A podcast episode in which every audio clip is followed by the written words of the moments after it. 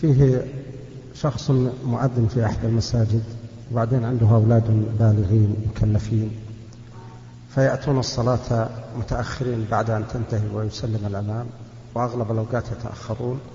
فناقش الإمام نفس المؤذن في هذا الموضوع وقال أن لهم أجر. إن أدركوا الجماعة ولا بس المهم أن يجون يصلون بالمسجد لهم أجر من ذلك. يعني ما تفوتهم اللي هي 27 درجة.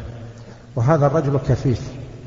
فكمل المؤذن ولا ولا الإمام؟ لا المؤذن. فكمل الإمام حاول أنه يقنع هذا أنه لازم انك تأمرهم بالصلاة لأن بصفة أنك مؤذن أنت قدوة. فأغلب حيث أن الإمام شاهد أن أغلب المصلين تأخروا عن الصلاة بحجة أنهم شافوا أولاد المؤذن يتأخرون وهم كبار. فما شاف نتيجة. فهل هذا الإمام يعني يبدي شيئا من الجفاء سواء للأب أو الأولاد؟ أو أنه يعني يأخذهم بطريقة حيثما تراها. جزاك الله خير هذا السؤال. الجواب على هذا السؤال من شقين. الشق الأول أنه لا يجوز أن نقتدي بمن فرط في الواجب فنترك الواجب لأن فلانا لا, لا يقوم به. أنت مسؤول عن نفسك وإن تطع أكثر من في الأرض يضلوك عن سبيل الله. فلا يجوز الإنسان يقول أنا من مصلي مع الجماعة لأن أولاد المؤذن لا يصلي. وليس حجة عند الله عز وجل. كما لا يجوز الإنسان أن يفعل المحرم يقول فلان يفعله. حتى لو كان طالب علم يفعل هذا المحرم فإنه لا يجوز للإنسان أن يفعله لأن هذا يفعله. أنت مسؤول عن نفسك ومسؤول عما أجبت به المرسلين ويوم يناديهم فيقول ماذا أجبت المرسلين. أما بالنسبة للمؤذن وهو الشق الثاني فالواجب عليه أن يأمر أولاده وأن يضربهم إذا بلغوا العشر سنين حتى يؤدوا الصلاة مع الجماعة ولا حرج عليه في هذه الحال أنه إذا أذن ذهب وأيقظهم وأحضرهم إلى المسجد لأن الخروج هنا لعذر وهو سيرجع ويصلي في المسجد. وأما بالنسبة للإمام فأولا لا ينبغي أن يناقش المؤذن أمام الناس. لكن يناقشه سرا فيما بينه وبينه. فإذا ادعى المؤذن أنه لا يستطيع إحضارهم إلى المسجد فهناك جهات مسؤولة يمكن أن تحضرهم. كهيئة الأمر بالمعروف والنهي عن المنكر. تحضرهم؟ إلزاما لأن هؤلاء ممن تلزمهم صلاة الجماعة. وأما قول المؤذن إنهم إذا صلوا في المسجد ولو بعد الجماعة الأولى فإن لهم آه، أجر 27 درجة. فهذا ليس بصحيح. أجر 27 درجة تكون بالجماعة الأولى فقط.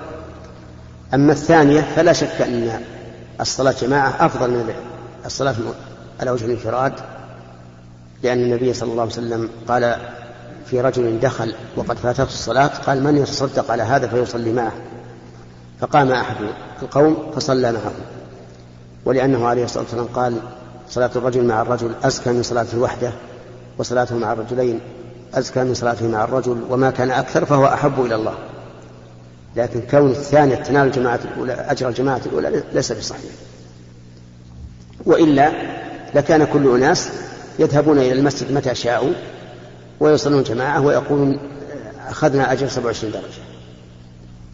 وهذا لا, لا, لا أعلم أحدا قال به. أي أن الصلاة الثانية كالصلاة الأولى في في الحصول على 27 درجة. نعم. عفى الله عنكم يا شيخ.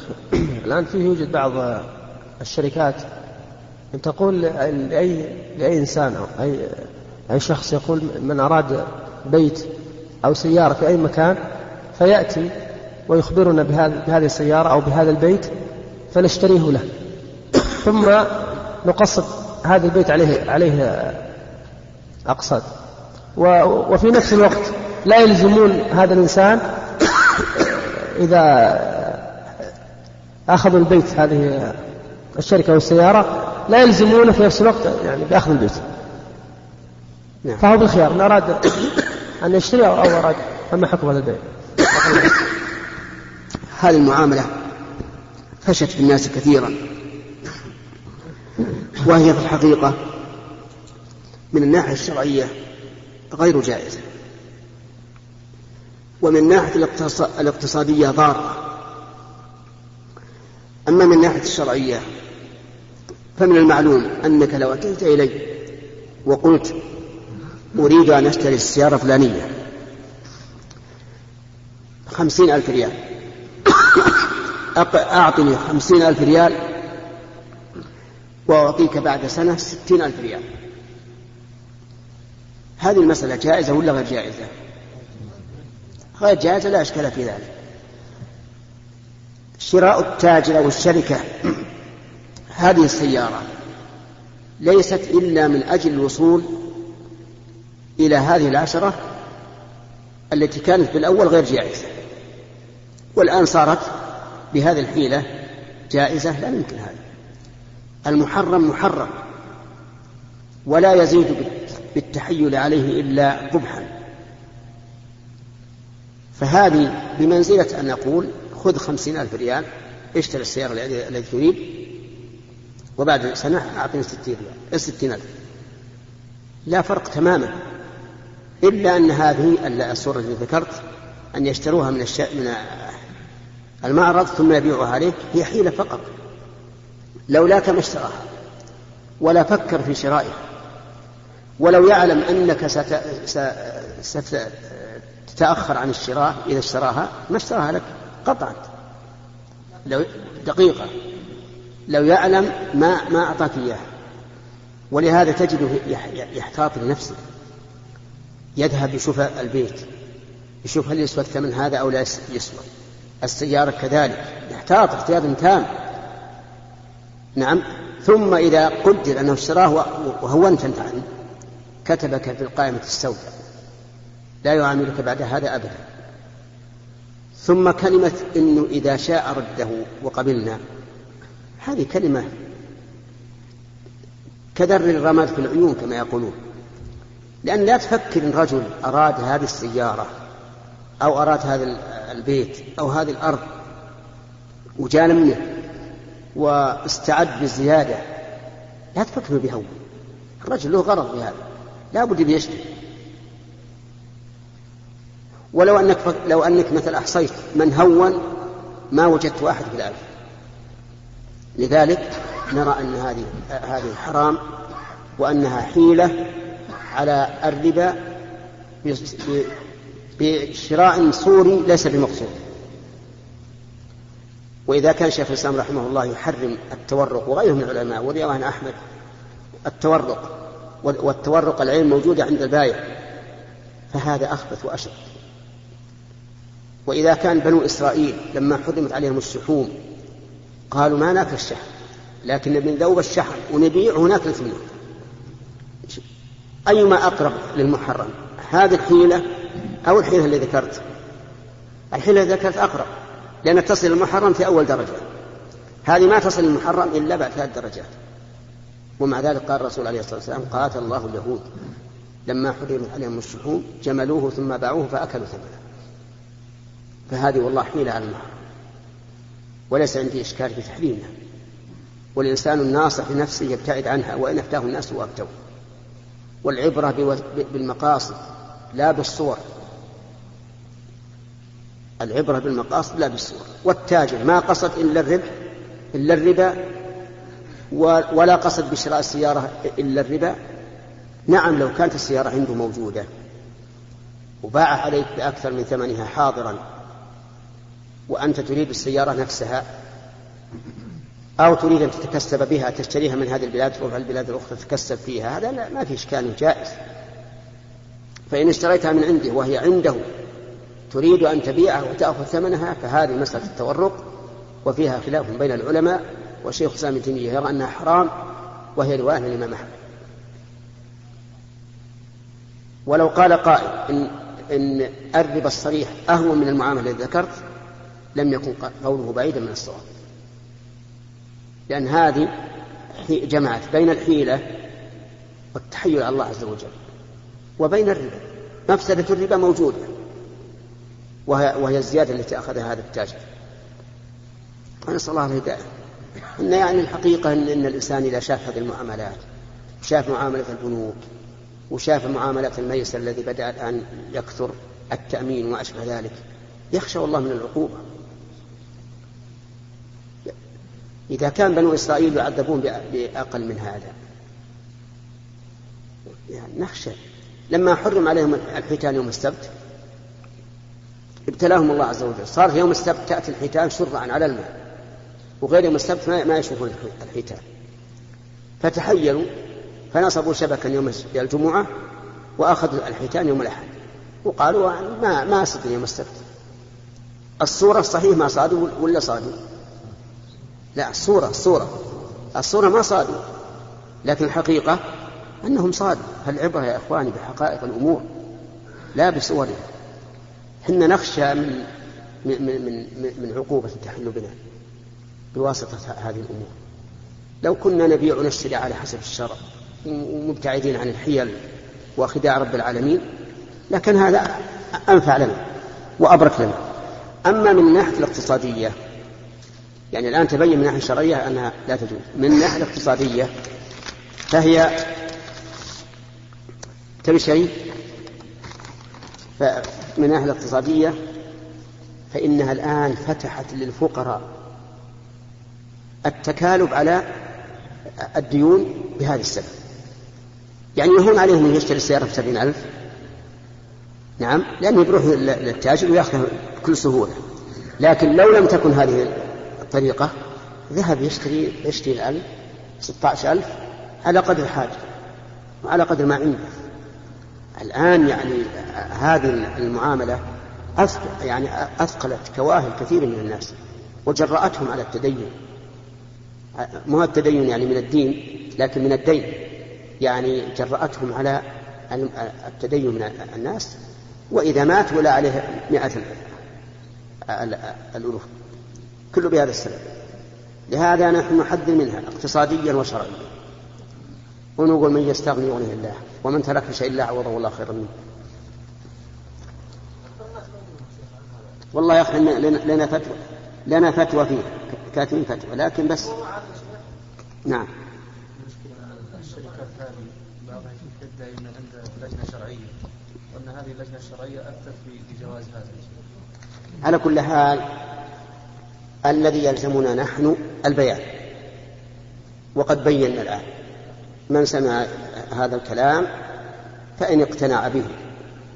ورأى أن الحيلة لا تجعل الحرام حلالا فليحمد الله على الهداية ويترك هذا. ومن لم يقتنع فلكل درجات ما عمل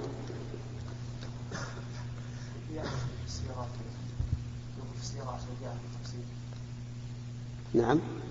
بعض الناس يشتركون ثلاثة أربعة ويشترون السيارة هذه عشان يقصدها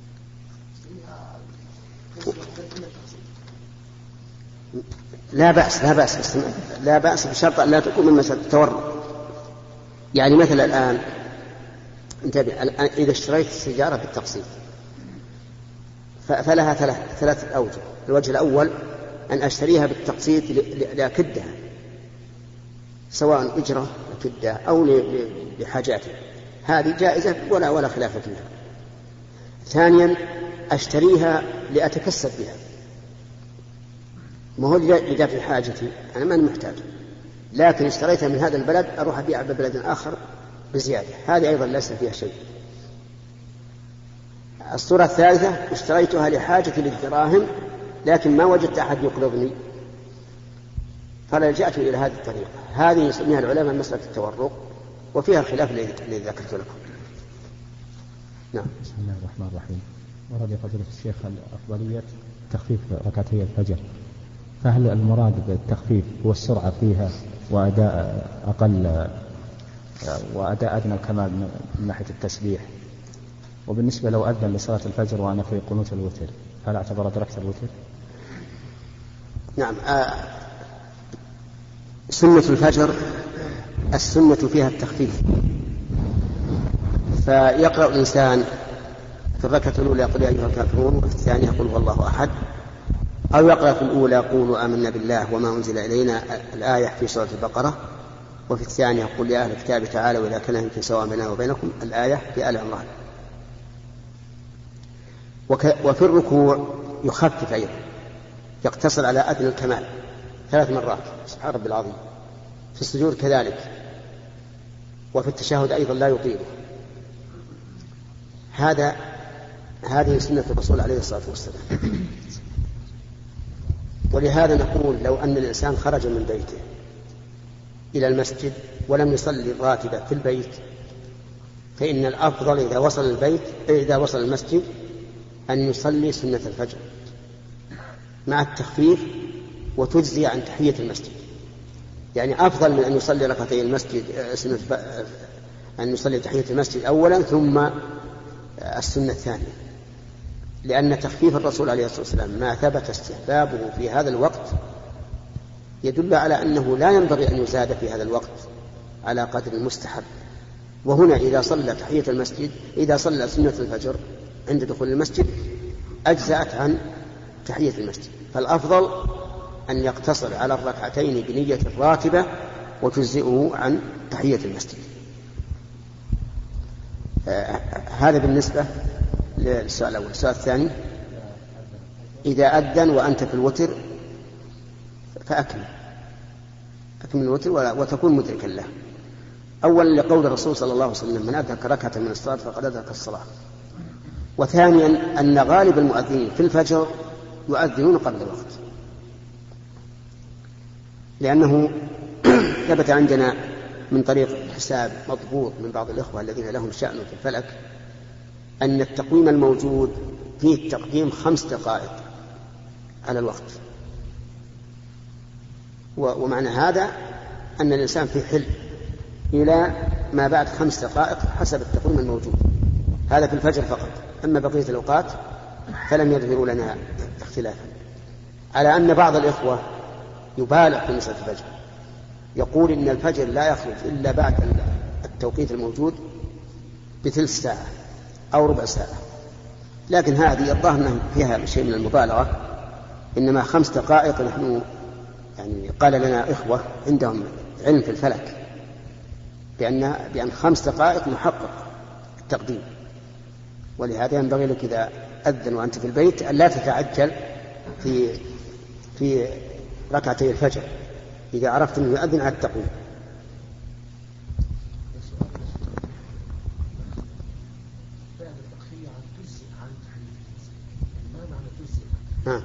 يعني لا يطالب. إذا قال تجزى عن تحية المسجد يعني لا يطالب بها لأن المقصود أن يصلي ركعتين عند دخول المسجد وقد حصل. جزاك الله خير كيف نجمع بين الحديثين؟ من أتى عرافا فسأله عن شيء فصدقه لم تقبل له صلاة أربعين يوما.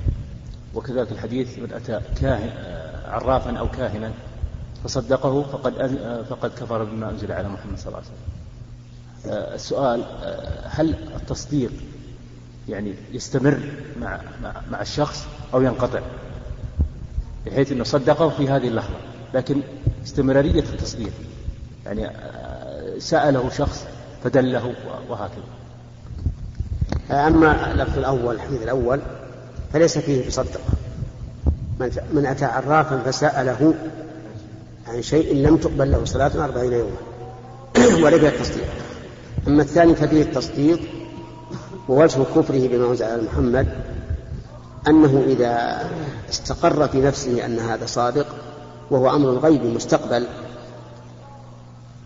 فإن ذلك يتضمن الكفر بقوله تعالى قل لا يعلم من في السماوات والأرض الغيب إلا الله. والتصديق يكفي أن يصدقه في أول الأمر. وليس معناه أنه ينتظر حتى يصدقه الواقع أو لا يصدقه. لأنه إذا إذا انتظر يقول بشوف هل هل يقع ما قال أو لا يقع؟ فهذا لم يصدقه في الواقع.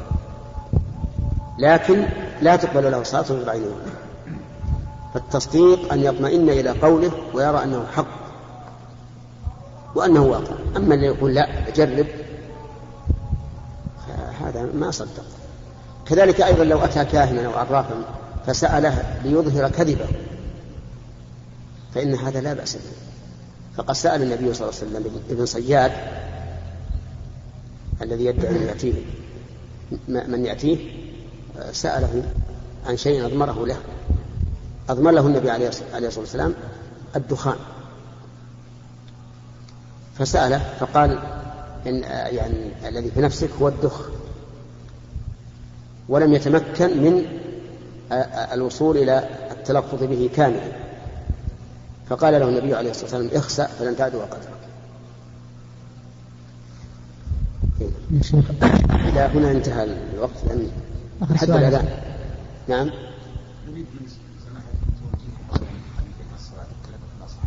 أي طيب يا أخي نصيحة نصيحة المتخلف نعم نصيحة نصيحة المتخلفين للصلاة. أن الإمام يأتي بالآيات والأحاديث اللي فيها الترغيب في صلاة الجماعة وفيها الترهيب في تركها على سبيل العموم يعني مواعظ بين حين وآخر. ثم يباشر الذي يراه كثرة تخلفه بالنصيحة. بينه وبينه.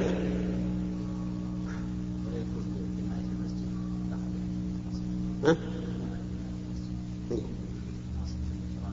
ما في مانع. لا, لا, لا بأس إذا كان هؤلاء الجماعة أناس ينصحون نصيحة حقيقة لا فضيحة. لأن, لأن بعض الناس يقول فعلنا وفعلنا ورحنا لفلان وقلنا له ومدري إيش. اي هذا ما, ما يجوز. إلا لو قال إلا لو قالوا ذلك لإنسان يمكنه أن يؤدبه كما لو قالوا ذلك عند ولي الأمر الذي يستطيع أن يؤدبه. أما إفشاء العيب بين الناس فهذا لا, لا يجوز لأنه ما يستفيد الإنسان لا المتكلم فيه ولا المتكلم. فإذا اجتمع مثلا أربعة خمسة من الإخوان المشركين الناصحين الذي يمكن أن يقتنع الإنسان بقولهم ونصيحتهم فهذا طيب. طيب بشرط أن يكونوا كما قلت. ناصحين لا فاضحة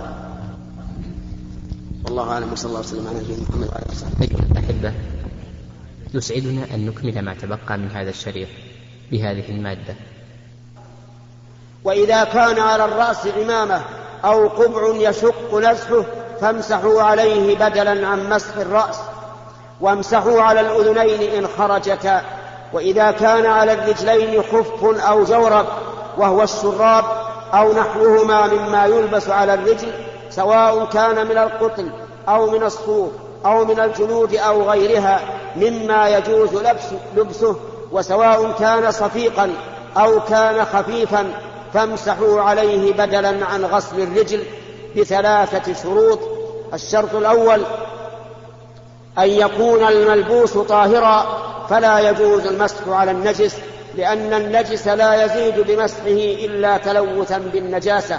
والثاني أن يلبس ذلك على طهارة فإن لبس على غير طهارة لم يجز المسح لقول النبي صلى الله عليه وعلى آله وسلم للمغيرة, للمغيرة بن شعبة حين أراد رضي الله عنه أن ينزع خفي النبي صلى الله عليه وسلم قال دعهما فإني أدخلتهما طاهرتين فمسح عليهما.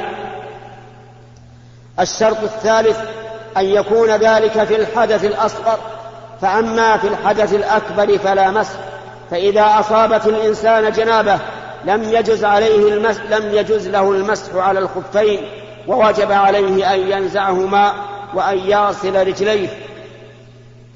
ومن الشروط أيضا أن يكون أن يكون المسح في المدة المحدودة وهي يوم وليلة للمقيم وثلاثة أيام بلياليها للمسافر. قال صفوان بن عسال رضي الله عنه كان رسول الله صلى الله عليه وعلى آله وسلم يأمرنا إذا كنا سفرا أي مسافرين ألا ننزع خفافنا ثلاثة أيام ولياليهن إلا من جنابة ولكن من غائط وبول ونوم. وقال علي بن أبي طالب رضي الله عنه جعل النبي صلى الله عليه وسلم ثلاثة أيام ولياليهن للمسافر ويوما وليلة للمقيم يعني في المسح على الخفين. والمدة تبتدئ من أول مرة مسح بعد الحدث ولا تبتدئ قبل ذلك فلو فرضنا أن شخصا لبس لبس الخفين أو الجوارب لصلاة الفجر ثم انتقض وضوءه في الضحى ولم يتوضأ ثم توضأ لصلاة الظهر في الساعة الثانية عشرة فإنه يبتدئ الم... فإن المدة تبتدئ من الساعة الثانية عشرة ولا تبتدئ قبل ذلك. وذلك لأن النبي صلى الله عليه وعلى آله وسلم وقت المسح ولا يتحقق المسح إلا بوجوده فإذا, فإذا أحدث ولم يتوضأ فإنه لم يسقط عليه أنه ماسح. وعلى هذا فابتداء المدة من أول مرة مسح الإنسان عليها على الخفين بعد الحدث فيستمر يمسح إلى إلى مثله من اليوم التالي إن كان مقيما. أو إلى تمام ثلاثة أيام إن كان مسافرا وإذا كان مقيما ثم مس ومسح وهو مقيم ثم سافر قبل تمام مدة مسح المقيم فإنه يتم مسح مسافر. ولكن إذا أصابت الإنسان جنابة فكما قدمنا لا بد من خلعهما وغسل الرجلين مع سائر الجسد وإذا تمت المدة والإنسان على طهارة لم تنتقض طهارته بتمام المدة حتى يحصل ناقض للوضوء من بول أو غيره لأن نقض الوضوء بتمام المدة ليس عليه دليل من كتاب الله ولا من سنة رسول الله صلى الله عليه وعلى آله وسلم. فإن رسول الله صلى الله عليه وآله وسلم إنما وقت المسح ولم يوقت الطهارة لم يقل لا طهارة في الخفين بعد يوم وليلة وإنما قال يمسح. فإذا مسح الإنسان في المدة قبل تمامها فقد توضأ وضوءا مشروعا بأمر الله ورسوله وما كان ثابتا بأمر الله ورسوله فإنه لا يمكن أن يرفع ولا يمكن أن ينقض إلا بأمر من الله ورسوله. وعلى هذا فإذا تمت المدة مثلا قبل الظهر وأنت على طهارة فاستمر وصل الظهر. وإذا استمرت وإذا, وإذا استمرت الطهارة فصل العصر. وإذا استمرت الطهارة فصل المغرب. وإذا استمرت الطهارة فصل العشاء.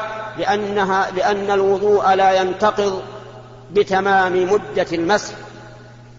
وكذلك أيضا إذا مسحت على الجوربين أو الخفين ثم خلعتهما فإنها لا تنتقض طهارتك بخلعهما بل تبقى على طهارتك حتى يحصل ناقض من نواقض الوضوء التي دل عليها كتاب الله وسنة رسوله صلى الله عليه وعلى آله وسلم.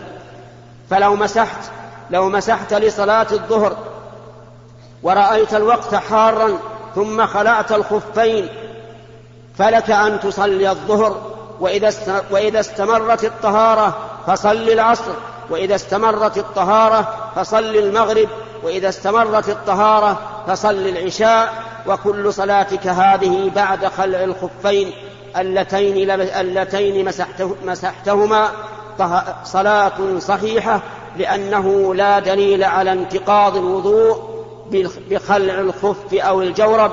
وكما أن الإنسان لو مسح رأسه ثم حلقه بعد تمام وضوئه فإن وضوءه لا ينتقض فكذلك إذا إذا خلع الجوربين أو الخفين بعد مسحهما فإن وضوءه لا ينتقض بذلك. والفرق بين كون المسح في الرأس أصلا وكونه في الخفين فرعا لا يؤثر في انتقاض الوضوء. أيها المسلمون أسبغوا الوضوء توضأوا كما أمركم الله ورسوله فمن أسبغ الوضوء كما أمر الله به ورسوله فقد صح من حديث عمر بن الخطاب رضي الله عنه عن النبي صلى الله عليه وسلم أنه قال ما منكم من أحد يتوضأ فيسبغ الوضوء ثم يقول أشهد أن لا إله إلا الله وحده لا شريك له وأشهد أن محمدا عبده ورسوله. اللهم اجعلني من التوابين واجعلني من المتطهرين إلا فتحت له أبواب الجنة الثمانية يدخل من أيها شاء. وذلك لأن هذا المتوضئ الذي أسبغ الوضوء طهر ظاهره ثم طهر باطنه بشهادة أن لا إله إلا الله وأن محمدا عبده ورسوله. وعن وعن عثمان بن عفان رضي الله عنه أن النبي صلى الله عليه وسلم قال في لقاءات متجددة. من توضأ فأحسن الوضوء خرجت خطاياه من جسده حتى تخرج من تحت أظفاره. رواه مسلم. شارع هلالة. رقم الهاتف والناسخة الهاتفية صفر ستة ثلاثة ستة أربعة ثمانية ثمانية ثمانية صفر. والرقم الثاني صفر ستة ثلاثة ستة أربعة خمسة ثمانية ثمانية صفر. ورقم صندوق البريد اثنان وخمسمائة وألف.